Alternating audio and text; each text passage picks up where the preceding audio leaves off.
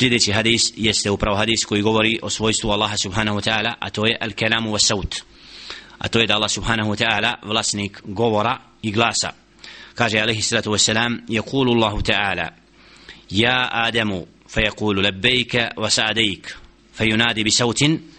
إن الله يأمرك يأمرك أن تخرج من ذريتك بعثا إلى النار znači, kum alaih sallatu wasalam kaže da je rekao Allah subhanahu wa ta'ala, to je hadisu al-Qudsi, ja Adam, o Adam, fa yakul, pa će odgovoriti lebejk, va sa'adejk, odazivan ti se gospodaru, fa yunadi bi saut, pa će pozvati gospodar subhanahu wa ta'ala svojim glasom, inna Allaha ya'muruka an tukhrija min dhurriyyatika ba'than ila an-nari. Zaista ti Allah subhanahu wa ta'ala naređuje da izvedeš od svoga potomstva ba'athan ila nari znači skupine u vatru u drugom hadisu da je rekao قال يا ربي وما بعث وما بعث النار قال من كل ألف تسعمائة وتسعة وتسعون اشتهيتو البعث znači te koji trebaju da budu uvedeni u vatru pa je rekao gospodar subhanahu wa ta'ala od svake hil, hiljade 999 Znači ovdje vidimo od potomstva Adama alaihi salatu wassalam da će od svake hiljade samo jedan biti od stanovnika dženneta a svi drugi zaslužit će nar i džehennem i da će biti od oni koji su nepokorni i nepredane nepokorni Allahu subhanahu wa ta'ala. I zbog masijeta i nepokornosti i neslijedjenja poslanika alaihim salatu wasalam bit će uveden u vatru. Zato kada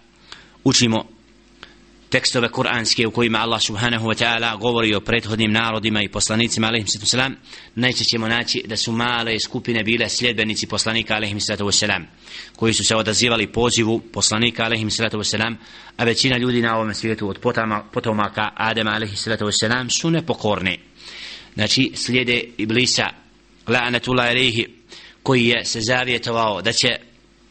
upravo zavesti sinove Adema a.s. osim odabrane iskrene robove.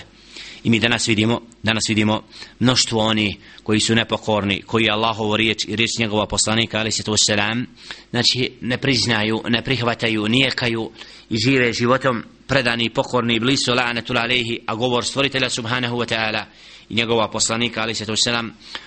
omalovažavaju kao da upravo nikada neće doći pred stvoritelja subhanahu wa ta'ala da budu pitani kako su živjeli na ovom svijetu da li su pri, bili predani pokorni da li su priznavali Allaha subhana. I ono što Đele Šenu je dostavio narodima putem poslanika alaihim salatu wasalam.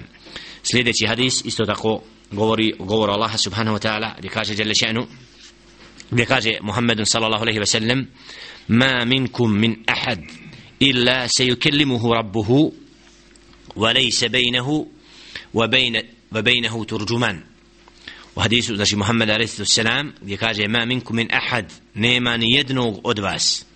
illa sayukallimuhu rabbuh a da neće sa njim razgovarati Allah subha, vaš gos, njegov gospodar subhane ne ima između njega i gospodara subhanahu wa ta'ala turđumana znači nekoga ko posreduje i ko će prenositi govor znači ovim hadisom vidimo potvrdu da Allah subhanahu wa ta'ala je vlasnik govora onaj koji govori da će Jelle še'nuhu razgovarati sa, sa svakim od sinova Adema alaihi salatu wa salam i da znači nema nikoga da će biti izuzet od toga nego će Allah subhanahu wa ta'ala direktno govoriti sa svojim robovima.